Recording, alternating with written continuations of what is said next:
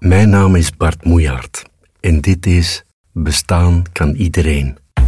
Deel 7. Stemmen.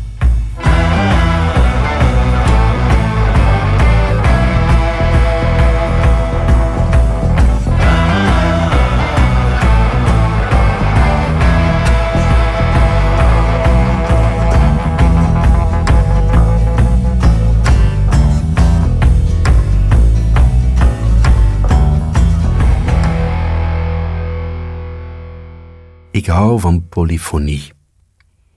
In de muziek is het een compositie waarbij elke stem en elke zanglijn belangrijk is. Elke stem en zanglijn draagt evenwaardig bij tot het klinkende geheel.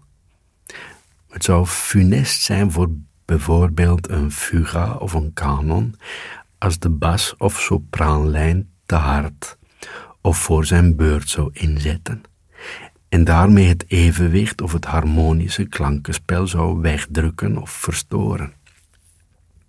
In de aanloop naar de provincie, districts en gemeenteraadsverkiezingen van zondag 8 oktober 2006 liep het wat betreft de meerstemmigheid flink mis. In de pers werd de stad Antwerpen met argusogen gevolgd. De vragen werden feller de slogantaal bitser. Je was voor of tegen rechts en wie een genuanceerd antwoord wilde geven, durfde zogenaamd geen kleur te bekennen. Het potlood kreeg een erg slechte naam. Zondag 1 oktober 2006, een week voor de verkiezingen, werd tot dag voor de verdraagzaamheid uitgeroepen. Er werden in drie steden gratis evenementen georganiseerd. Zoveel mogelijk mensen zouden laten zien in wat voor maatschappij ze wilden leven. Sinds ik op de begrafenis van Luna de stoel van de stadsdichter had zien staan, wist ik waar mijn plaats was op het 110 evenement in Antwerpen. Op het plein, tussen de mensen. Mijn gedicht Kies zou in de kranten worden gepubliceerd en op die manier zijn werk doen. Begin september vertrok ik, moe van de voorbije maanden, op uitgestelde huwelijksreis naar Italië. Terwijl we de eerste avond vierden met een etentje in Rome, probeerde een journalist me op mijn mobiele telefoon, die ik bewust in de hotelkamer had achtergelaten, te bereiken om een roddel die hij ergens had opgeraapt te verifiëren.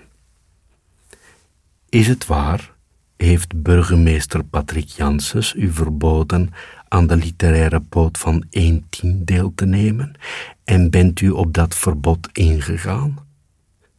Drie uur lang was ik niet te bereiken. Op het antwoord op zijn ingesproken vragen heeft hij niet gewacht. Ik heb nooit kunnen zeggen, mij is niets verboden. Mij is gedurende deze hele stadsdichterstijd niets verboden. Dus nee, ik ben niet op een verbod ingegaan. En nee, ik zou nooit op een verbod ingaan. In de morgen van de volgende dag stond een artikel dat twee derde van pagina 5 innam. Stadsdichter Moejaard past om strategische redenen voor 1.10. Het artikel sloot af met de opmerking dat Moejaard gisteren niet bereikbaar was voor telefonisch commentaar. Onder de kop Triomf der lafheid pleegde collega-schrijver Mark Reugenbrink op zijn blog een stuk, waaruit een dag later in de krant werd geciteerd zodat een onwaarheid nog groter nieuws kon worden.